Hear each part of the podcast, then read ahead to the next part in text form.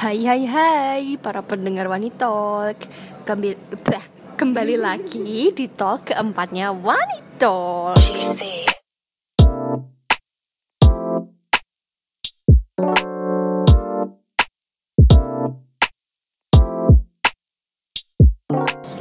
Hari ini kita mau bahas tentang eh, mulut netizen yang pedas Yang membuat kita ini sakit hati kata-kata manusia tidak ada yang sempurna itu mungkin sering kita dengar ya nggak sih? Benar sekali. Tapi itu manusia di zaman sekarang ini itu kebanyakan menuntut sesuatu kesempurnaan terkhususnya wanita.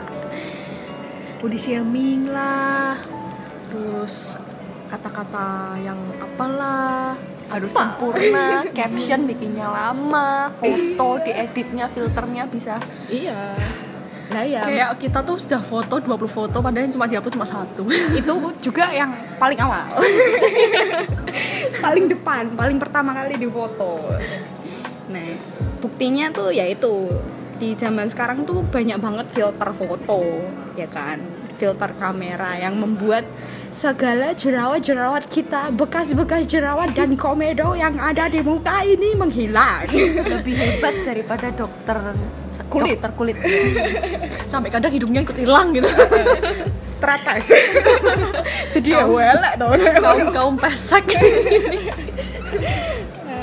Nah, selain itu tuh juga banyak salad. Banyak orang tuh suka makan salad untuk membentuk tubuh yang katanya sih bahasa kerennya tuh healthy life. ya ya ya Ya, itu pastinya untuk membuat tubuh menjadi lebih proporsional dan dapat dipandang sempurna oleh orang, oleh orang lain, ya kan? Benar sekali. Nah, tapi terkadang tuh apa yang kita udah usahakan mati-matian baik itu diet lah, eh, foto angle dari kanan kiri, depan belakang, atas bawah. tapi itu tidak ditanggapi baik oleh orang lain. Contohnya, ketika kita sedang diet itu pasti kan banyak teman-teman kita yang eh, kayak ngucu-ngucuin, kamu ngapain sih diet? ini Nggak tuh kenikmatan berhasil." ya, ini kenikmatan dunia makanan kenikmatan Iya, dunia hidup cuma sekali, ngapain diet? Terus yang lebih sakit lagi kalau dikatainya kamu tuh ngapain diet? Emang kamu bisa? Aduh, sering ya? Kamu gak usah tanya gitu, aku juga tanya pada diriku sendiri. Kenapa aku bisa?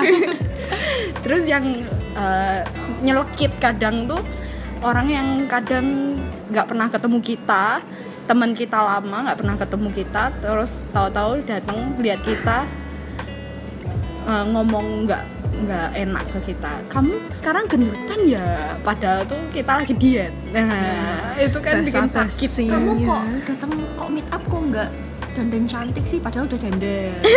Oh itu kayak siapa ya sering ya? no make up make up look kalau ini pintar ngibul. pinter nge-lash nah selain itu contoh lainnya tuh ketika kalian jerawatan. Nah, pasti tuh bakal banyak hujatan-hujatan yang menimpa kita. Ketika kita jerawatan. Terus pasti kan orang-orang terdekat sih pastinya bakalan nanya ih kamu sekarang kok jerawatan ya? Kenapa sih? Kamu mesti makan makan kacang ya makan minyak minyak gitu ya jadi Jarang jerawat banget gitu. Jarang cuci muka gitu. Padahal ya orang jerawatan itu belum tentu nggak cuci muka belum tentu nggak bersih gitu guys. Ya malah kadang kalau yang terlalu bersih itu bisa bikin jerawatan Mm-mm. kan? Terlalu sering cuci muka, terlalu kayak eh, derm jijik jijik sama derm derm gitu malahan bisa berpotensi malah kena jerawat karena dia terlalu menjaga. Kulitnya nggak tahan banting gitu loh. oh. Gitu ya. kulit perlu dilatih juga ya. Dilatih tahan banting. Soalnya kalau kita tuh cuci muka terus itu tuh malah eh, kulit tuh memproduksi minyak untuk menyeimbangkan yang namanya kelembapan. Wes. terus ya kita tahu sih itu salah satu bentuk care dari orang-orang sekitar. Ya tapi kadang tuh kalau sering diomongin terus menerus kayak ketiap ketemu orang dikatain kamu kok jerawatan? Kamu pakai ini dong pakai ini dong ke dokter ini dong. Kadang kan kayak kita bingung juga gitu kan eh, yang bener yang mana gimana caranya kita bersihin. Padahal kita kan ya udah usaha. Tapi ya kadang bisa bikin sakit banget gitu loh kayak tertekan iya ya muka aku kok kayak gini ya terus dikata-katain terus. Lama-lama juga stres juga ya kan? Malah stres lagi jerawatan lagi kamu Mm-mm. gitu sih. Ya bagi yang memiliki jerawat-jerawat di luar sana semangat ya guys. Kita satu tim. Ya percaya aja kalau uh, eksistensi jerawatmu itu emang kehendak Tuhan. Karena um, sebagai wanita tuh jerawat tuh kayak udah ada siklusnya gitu loh. Kayak nggak mungkin tuh muka kita tuh kayak mulus kayak porselin gitu kayak artis-artis Korea. Kecuali kamu operasi plastik mungkin mungkin bisa ya. Mungkin bisa. Kayak masih mungkin nggak menjamin. Iya habis operasi plastik terus jerawatan lagi. Kayak setiap minggu mungkin facial gitu ya. Waduh tambah serem. Tambah bolong-bolong enggak Nah, dari selentingan tadi kita kan tahu bahwa memang nobody is perfect ya kan. Tapi banyak orang yang secara tidak sadar maupun sadar itu menuntut kesempurnaan seseorang. Nah, baik orang terdekat maupun orang yang tidak dikenal, kadang suka juga ngomongin kita kan kayak sok-sok care lah. Kayak eh ya gitu. Dan sebagai seorang wanita itu kita kayak lebih sensitif. Ya makhluk perasa soalnya. oke dengan kata-kata orang yang memang menyakitkan. Menyakitkan aka sok care. Gitu. Eh, wanita itu ak- akan menjadi lebih concern ketika bentuk tubuh dan tindakannya itu dikomentari oleh orang-orang lain. Gitu. Ya kayak kemarin yang lagi hot-hotnya nih kan yang kasus Suli yang membernya FX mantan membernya FX kan dia kan juga eh, katanya sih rumornya itu bunuh diri gara-gara hujatan-hujatan dari netizen. Karena apa pun tindakannya dia apa pun yang dia lakukan tuh kayak selalu dihujat gitu sama netizen. Dan ya mungkin dia itu eh, ya ini katanya artikelnya sih. Dia udah berusaha buat bodo amat dia berusaha buat nggak peduli sama omongan-omongan itu tapi karena terus menerus menerima omongan-omongan yang nggak enak karena kita sebagai manusia kan punya eh, ya kapasitas yang ya ya kayak kita ada limitnya lah. Kita ada limitnya kapan kita bisa tahan kapan kita nggak bisa tahan gitu. Dan ya akhirnya mungkin ini benar-benar dia udah tidak tahan terus mungkin dia juga nggak ada tempat buat cerita atau tempat buat apa juga yang bisa menguatkan dia. Jadi mungkin dia bunuh diri karena itu. Dan ternyata itu nggak cuma cewek yang bisa karena iya Sakit kena hati. sakit hati karena omongan orang. Ternyata cowok tuh juga bisa. Karena ya kan sebagai cewek kita merasa ya kan aku cewek aku sensitif sama omongan-omongan orang. Ternyata cowok tuh juga yang Ada. iya padahal biasanya kan kayak cowok kan lebih bodoh amat daripada cewek kan tapi ternyata tuh ada kayak contohnya nih si tablonya epic high Iya Epic High. Dia itu waktu itu pernah difitnah sama netizennya Korea gara-gara eh, dia lulus tiga setengah tahun di universitas universitas ternama di California gitu. Dan orang-orang tuh kayak mulai mempertanyakan emang bisa ya tiga setengah tahun ngambil eh, mata Kuliah. eh, ya maksudnya jurusan itu. Dan kemudian sekaligus ambil magisternya gitu. Padahal harusnya bisa lulus di kuliah itu terus ambil magister tuh minimal enam tahun. Karena empat tahun terus magisternya dua tahun kan. Terus kayak dia tuh semakin diteror gara-gara ibunya katanya sempat memalsu kayak awards ya pokoknya gitu. Terus kayak semakin diteror sampai akhirnya eh, si ayahnya tuh mungkin juga nggak kuat kan karena diteror terus. Dan akhirnya meninggal karena serangan jantung. Dia tuh kayak eh, begitu tertekan. Ya tertekan banget. Sampai dia tuh mengasingkan diri dari dunia luar. Sampai kalau dia beli kebutuhan sehari-harinya dia tuh loh kayak kayak buronan gitu loh. Hmm. dan waktu anaknya lahir kan biasanya kalau anak pertama lahir kan mesti pak seneng senengnya kan. Tapi waktu itu anaknya lahir tuh dalam kondisi yang dia lagi uh, Dipres. dipres sama orang-orang fansnya dia. Bahkan fans mantan fansnya sendiri tuh juga ngehit dia gitu. Dan ternyata waktu anaknya lahir terus dokternya tuh salah satu hatersnya. Dan dia tuh jadi kayak cemas jadi ketakutan sendiri. Nah tapi akhirnya dia bisa bangkit karena ada salah satu temennya yang berjuang buat dia. Salah satu temennya itu yang satu kuliahan sama dia yang menjelaskan dia tuh benar-benar kuliah di sana gitu.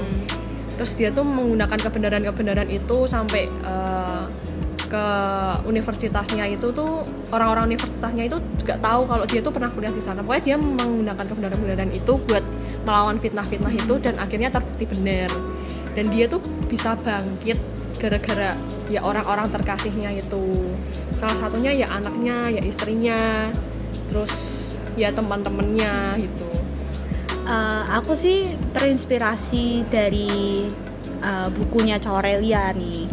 Di bukunya Caurelia tuh kayak dia itu eh, seorang ibu rumah tangga, ibu hits zaman now.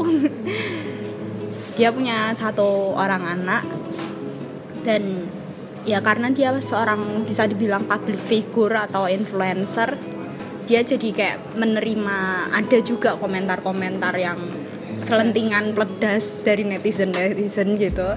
Tapi itu dia orang yang cukup positive thinking di dalam hidupnya. Jadi kayak dia suka bodoh amat tapi ya membela kebenaran. Membela kebenaran tapi ya bodoh amat gitu gimana ya?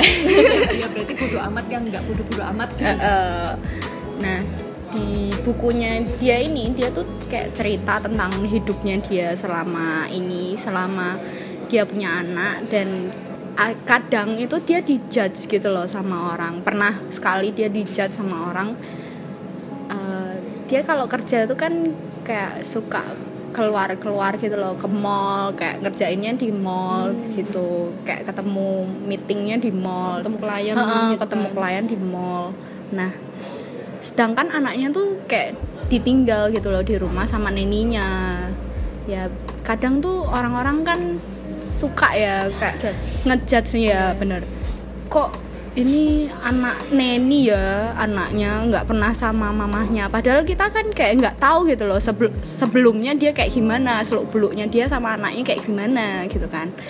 Ya dia kayak ngomong ke anaknya sih kayak nasehatin. Di buku ini dia kayak nulis surat buat anaknya supaya kayak dia jangan merhatiin omongan orang se sedalam-dalamnya gitu loh. Jangan ambil perasaan yang mendalam pada omongan orang gitu loh Padahal eh, di bukunya itu kan dibilang katanya di situ dia ngomong ke anaknya padahal orang-orang tuh sebenarnya nggak tahu apa yang sedang terjadi kan dia harus memilih antara harus meninggalkan anaknya atau harus bekerja, Padahal kan keluarga seorang tuh nggak selalu dapat disokong oleh cowok sendiri kan. Kadang kan ada yang mamahnya harus kerja juga, ikut kerja. Terus secara finansial juga mungkin bisanya untuk disokong dua orang, nggak cuma satu orang. Dan sedangkan netizen netizen sekarang tuh suka banget ikut campur sama kehidupan orang gitu loh. Kayak kadang suka ngomongin ih anak neni ya anaknya kok eh, keluarnya sama neni terus nggak sama papa mamahnya ya terus kadang orang suka komentar eh, ini memang karena aku belum melahirkan dan mempunyai anak jadi awalnya sih pas denger kayak ya kan kita semua pasti tahu lah asi lebih baik daripada susu misalkan susu Formula. formula. Tapi kan kita nggak bisa memaksakan kamu nggak ngerti eh, ibunya sudah mengusahakan untuk mengeluarkan asi tapi nggak bisa gitu loh. Terus kayak em, sesar atau lahir normal itu kayak kamu nggak bisa ngejudge semua ibu-ibu yang memilih Iya. sesar itu mau enaknya aja tolong 9 bulan tuh perlu usaha gitu loh Eh, ketika itu dia memilih sesar atau enggak itu kembali lagi ke dia sih jadi Pilihan jangan pribadi kan. Mm-mm. jadi jangan sampai omongan kita itu yang kita nggak ngerti latar belakangnya mereka kayak gimana apa yang mereka hadapi itu malahan pertanyaan atau komentar sih itu malahan menjatuhkan he- he, menjatuhkan gitu loh jangan sampai kalian ini terlihat bodoh ketika kalian komentar karena Hmm. kalian nggak ngerti gitu loh Mm. gitu sih cuman eh, memang kan kita pasti kalau dapat komentar itu kita tuh pasti ngerasa sakit kan. Nah kita tuh nggak boleh menghindari rasa sakit itu tapi kita tuh harus melewati rasa sakit. Karena kita itu harus grow through the pain jangan uh, go through the pain gitu loh. Terus ketika kita melewati apa rasa sakit itu kita ya juga nggak boleh namanya ngejudge orang yang sedang go through the pain-nya atau grow to the pain grow to through the pain-nya. Jadi kayak misalkan orang menjadi lebih pendiam atau orang menjadi kayak kayak memilih untuk melakukan sesuatu gara-gara sedang sakit hatinya gitu. Kita tuh jangan komentar karena kamu nggak ngerti gitu loh. Orang misalkan orang memilih misalkan memilih untuk eh, melahirkan sesar atau enggak kamu nggak ngerti. Dia itu juga sedang kayak hard eh, hard to herself gara-gara aduh aku tuh sebenarnya pengen normal tapi kenapa kok keadaan ini harus maksa aku sesar gitu Iya, loh. terus kadang udah kayak gitu udah ada perasaan kayak gitu dia dijudge lagi sama orang Iya. lain kan itu jadi kayak bikin tambah down dia kan nggak Mm-mm. tambah semangat. Padahal juga sesar mau normal sama-sama sakit, sakit. Terus eh, kayak pain sih itu malahan kayak kasih kita warning gitu loh dan ngajarin kita kadang tuh eh, yang di atas Tuhan itu tuh eh, izinkan sama kasih kita sakit rasa sakit di hati gitu untuk Oh. menegur karena kadang tuh kita tuh terlalu budek dan Hmm. tuli ketika Tuhan tuh mau negur kita Iya, jadi iya. dia pakai rasa sakit Mm-mm. untuk negur kita gitu loh kalau misalkan kalian itu sudah bisa mendengarkan suara lembutnya Tuhan maka nggak akan sampai kejadian rasa sakit itu gitu loh kadang memang diperlukan itu supaya kita tuh kembali ke Jalan kalau benar. ya gitulah benar sekali sis Angel terus kayak kalian pernah nggak sih kayak merasa kita tuh sudah baik sama orang kita tuh sudah melakukan ini itu kita nggak kita nggak jahat sama orang tapi kita kayak lack of something gitu loh Hmm. kayak kita kok hidup kok gini sesuatu. aja ya aku sudah baik tapi kok aku nggak merasa happy Hmm. Happy itu nggak harus selalu kayak kita 100% dalam keadaan atau suasana yang menyenangkan gitu tuh enggak tapi kayak ketika kita tuh sudah belajar sesuatu kita itu ada memori akan sesuatu kayak kita sudah ngelewatin sesuatu tuh itu bisa jadi happiness buat kita gitu loh. Itu bisa jadi damai buat kita.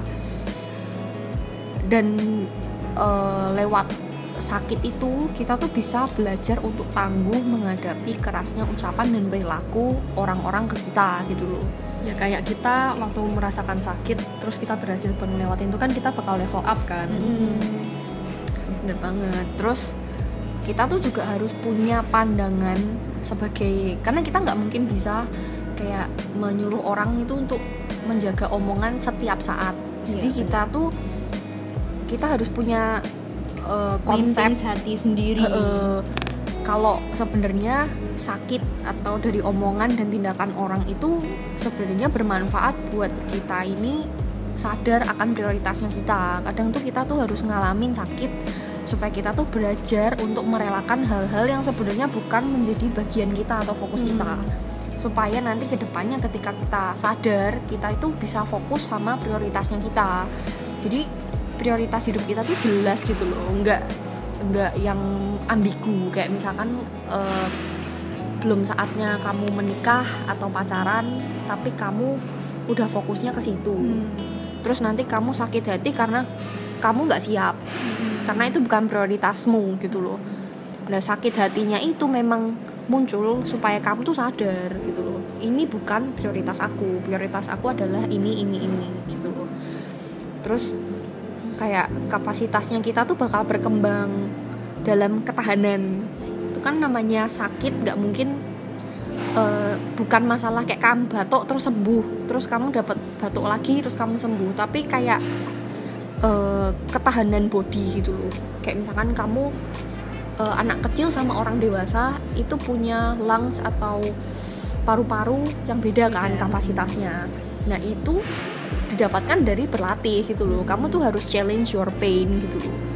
Kalau kamu bisa sukses dari uh, challenge tersebut kamu tuh kapasitasmu tuh bakal berkembang. Bakal naik. Kapasitasmu untuk menghadapi omongan dan kritikan orang tuh bakal berkembang. Dan kamu tuh bakal lihat kritikan orang tuh dari perspektif yang berbeda. Dari sudut pandang yang beda gitu ya. Mm. karena kita belajar untuk empati ketika kita mengalami masalah kan misalkan eh, kalau aku sih biasanya ke orang-orang yang eh, nyebelin. Enggak nyebelin sih aku nggak nyebelin om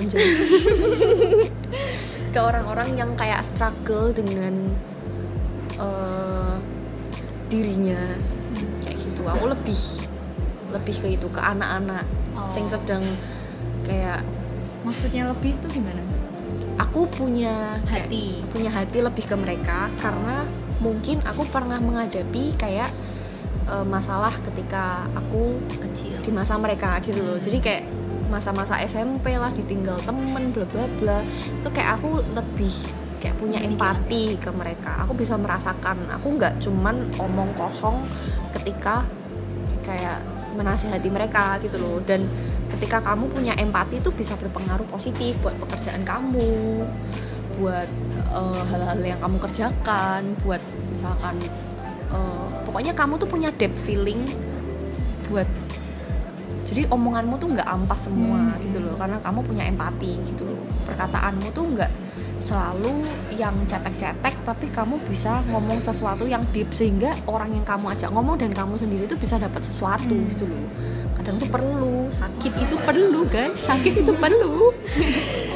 Ya ya ya.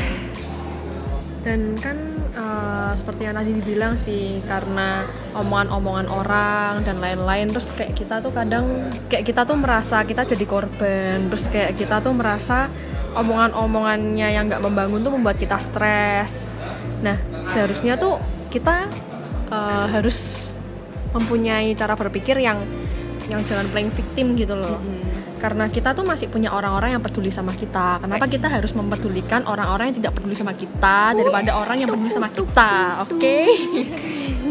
jangan jangan sahabat. Maaf terbawa. terbawa Karena ya hidup kita tuh bukan mereka yang menentukan, tapi kita yang menentukan. Dan kita tuh nggak bisa menyenangkan semua orang. Karena ya pasti ada lah apa pun yang kita lakukan, apa pun yang kita pakai, apa pun yang kita katakan tuh serba salah di mata orang lain gitu loh. Misalnya kita pakai kaos, terus dinyinyirin sama orang lain, ih masa ke mall pakai kaosan gitu doang, yang dandan sedikit lah, apalah. Terus misalnya kita kenapa ngomongin ini, ih kamu kok ngomongnya gitu sih, kayak ada aja lah yang kita lakukan tuh salah. Jadi ya memang apa pun yang kita perbuat ya memang kita nggak bisa menyenangkan semua orang dan kadang kita tuh ketika ya itu kan yang kita di- dinilai sama orang dan lain-lain misalnya ya kita numpahin apalah kita kan kadang kelamsi ya gak kita sih aku. Ngajak-ngajak. Klamsi ngajak-ngajak. Angel juga kelamsi malah juga kelamsi jadi kita dong. Oke. Kayak kadang kita nggak sengaja numpahin apa terus kayak ya diomongin orang lah ih kok enggak itu sih nggak bisa menempatkan diri dengan baik sih. Emang nggak bisa hati-hati apa gini gini dan kata-kata itu jadi membuat perasaan kita sakit dan kita jadi oversensitif itu. Ya sebenarnya kita nggak perlu memperdulikan itu karena ya sudah mungkin itu cuma uh, bertahan ya paling pol berapa lah ya satu hari dua hari. Setelah itu palingan mereka juga lupa karena ya emang kita sepenting itu dalam hidup mereka gitu kan. Karena ya mereka masih punya prioritas yang lebih penting daripada ngomong- ngomong-ngomongin kita. Jadi ya seharusnya kita nggak usah terlalu ambil hati juga kalau misalnya kita dinyinyirin sama orang. Dan kan semua hal di dunia ini nggak dalam kontrol kita gitu. Termasuk mulut-mulut netizen. Terus ya kita harus semakin dewasa ini kan kita harus bisa uh, memprioritaskan kan. Kita harus memberikan waktu dan perhatian kita tuh buat orang-orang yang memang layak untuk itu. Jangan memberikan uh, perhatian kita pada orang-orang yang nggak care sama kita kayak contohnya kan tadi misalnya kita dinyinyirin sama orang kita malah memfokuskan perhatian kita ke orang-orang yang ya sebenarnya cuma sekedar ngomong aja gitu loh bukan orang-orang yang benar-benar care sama kita. Nah, kita harus semakin dewasa ini harus bisa memilah mana yang orang-orang yang layak buat kita pertahanin buat uh, jadi teman kita atau orang-orang yang ya orang-orang yang membawa energi negatif gitu loh buat kita. Karena kita semakin dewasa kan semakin banyak beban pikiran.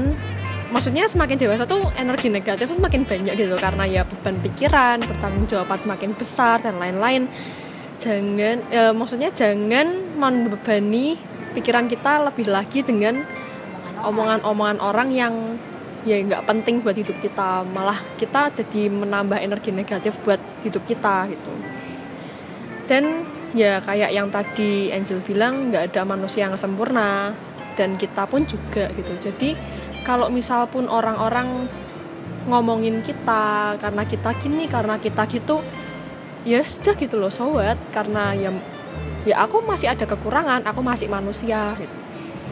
Dan kita juga belajar jadi bodoh amat kayak dari bukunya Corelia tadi kan. Karena ya ketika kita bodoh amat sama hal-hal yang negatif tidak otomatis uh, menjadikan kita orang yang egois orang yang jahat. Karena ya itu semakin kita dewasa kita harus bisa memilah mana yang baik untuk diikuti dan mana yang enggak. Karena ketika kita mengikuti hal-hal yang negatif ketika kita menanggung hal-hal yang negatif kita jadi nggak bisa love myself. Kita nggak bisa men lagu ya oke. okay. ada ya? Nggak ada. Terus ya ketika kita nggak bisa menyayangi diri kita sendiri kita nggak memberikan ruang buat diri kita buat berkembang gitu. Ya terus kita tuh sebagai manusia ya kita tuh harus tahan mulut kita. Selain kita menahan hati untuk tidak tersakiti kita juga harus menahan mulut untuk tidak menyakiti orang. Soalnya kita tuh punya kebiasaan kayak setiap orang lewat itu dikomentari lah pakaiannya lah cara jalannya lah uh, make upnya lah rambutnya lah apa aja tuh dikomentarin gitu loh. Karena aku pribadi dulu waktu uh, masih poncil pemikiran baik pemikiran dan tubuh itu kayak sukanya ya itu komen komenin apa aja dari orang-orang yang aku nggak kenal gitu. Misalnya lagi nongkrong di McDonald terus ada di depan ada orang lewat jalan komenin pakaiannya lah komenin cara ngomongnya lah komenin misalnya bentuk mukanya lah yang sebenarnya tuh nggak harus dikomen gitu loh. Yeah. kayak cukup tahu dipendam dalam hati ya sudah gitu loh. Karena kalian tuh nggak ngerti apa yang mereka lewatin gitu loh. Cara mereka berjalan itu kayak gitu karena apa? Itu kamu nggak ngerti. Apakah mereka sakit atau ataukah mereka ada apa gitu kan kamu nggak ngerti. Terus kayak uh, pilihan baju dan lain-lain tuh sebenarnya nggak perlu. Kamu tuh harus belajar untuk menahan omongan. Kayak gitu tuh proses sih nahan.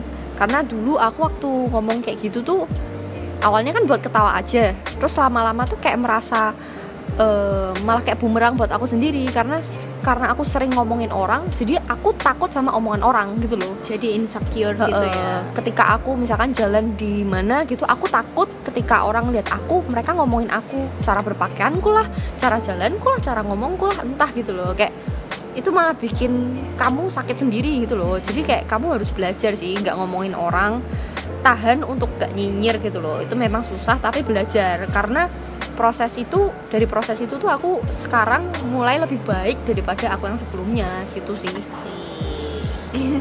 Sih. Bes bes bes ya karena ya kita sebagai manusia kan sebagai apalagi semakin dewasa kan kita nggak mungkin dong mau ngomongin hal-hal yang ampas-ampas mulu ya nggak sih? Kan ya kita butuh berkembang kita butuh hal-hal yang bisa mengisi diri kita kalau mis bertumbuh ya iya untuk bertumbuh lebih lagi kalau misalnya kita kalau misalnya kita kumpul-kumpul sama teman isinya cuma nyinyirin orang gosipin orang gibain orang faedahnya apa sih sebenarnya kayak jadi sakit sendiri ya kita ya kan Iya, kayak misal nih, kayak orang-orang kan kadang kita punya temen berempat. Misal nih yang satu nggak datang, si A, B, C, yang D nggak datang. Nanti nge- ngegibahin yang D. Misalnya nanti kumpul lagi bertiga, yang B nggak datang. Nanti malah ngibahin yang B. Kayak kita satu kumpulan jadi kayak insecure sendiri. Terus ya buat apa sih sebenarnya?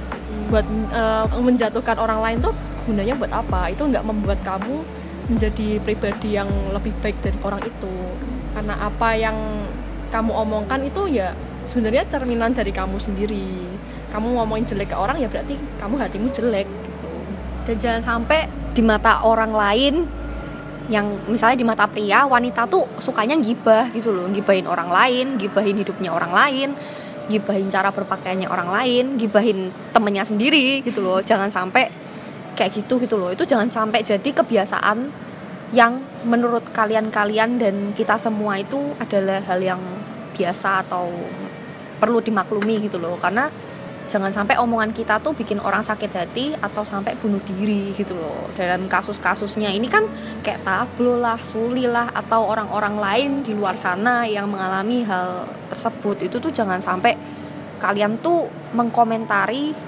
hal di luar yang mereka lakukan gitu. Soalnya tuh sering kayak misalkan ya manusia tidak ada semuanya bener ya. Kalau mereka lagi salah please jangan komennya tuh di luar misalnya kesalahan mereka gitu loh. Kadang tuh sampai Iya, iya. dilebih-lebihkan. Misalkan salahnya loh misalkan gara-gara apa sih? Tapi kalian komennya sampai ke keluarganya sampai ke anaknya sampai ke orang tuanya. Itu kan jahat kan? Maksudnya kayak terlalu mengurusi hidup orang tuh juga kayak nggak baik gitu ya.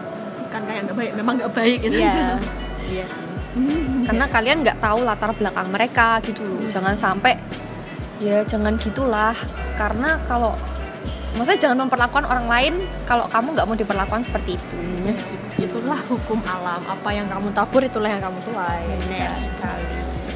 Iya, menegur tuh sebenarnya baik sih. Kalau kamu melakukannya dengan baik. Kalau menegur tapi uh, keinginan terselubungnya untuk menjatuhkan orang tersebut tuh ya jahat sih namanya ya kan. Iya sih, karena kadang kan kita kayak mengkritik orang lain, kita ngakunya sih mau mengkritik orang lain, mau menasehati orang lain, tapi Membangun orang lain. Iya, tapi dalam kutip kita sengaja malah memojokkan, menghakimi orang tersebut. Mm.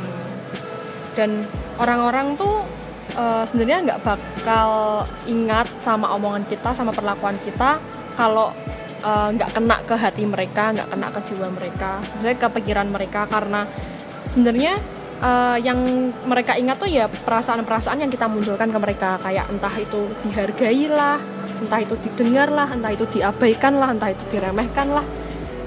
Ya itu yang membuat eh, orang-orang tuh bisa langsung ketika eh, dapat perlakuan yang nggak baik, ketika dapat omongan yang nggak baik itu eh, langsung merasa down, langsung merasa eh, stres lah, terus langsung kepikiran dan macam-macam gitu.